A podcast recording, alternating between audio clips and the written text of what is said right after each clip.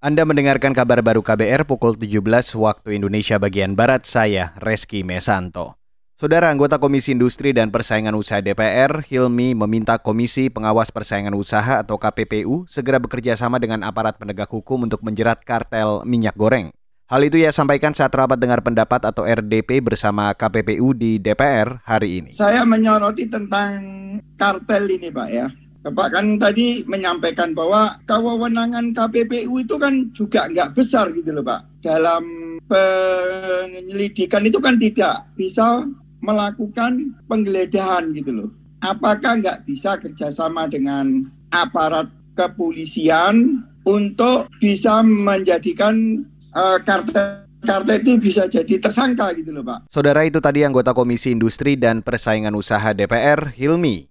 Sejauh ini KPPU telah memanggil 44 pihak untuk memeriksa dugaan kartel minyak goreng. Kurang lebih KPPU membutuhkan waktu dua bulan untuk mengusut dugaan tersebut. Menurut KPPU, pasar minyak goreng di Indonesia dikuasai segelintir kelompok usaha. Beralih ke berita selanjutnya, Saudara. Pemerintah Provinsi Bali mengklaim telah masuk fase endemi. Endemi adalah kondisi di mana penyakit hanya berjangkit di suatu daerah atau pada suatu golongan masyarakat.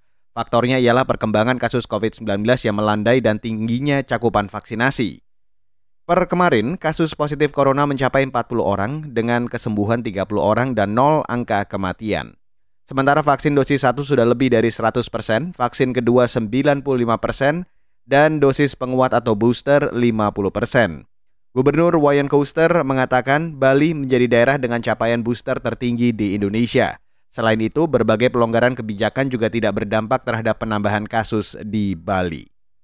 Saudara, Rusia dan Ukraina berencana melanjutkan perundingan secara daring besok. Pada dialog sebelumnya di Turki, tiada kesepakatan gencatan senjata dari kedua pihak.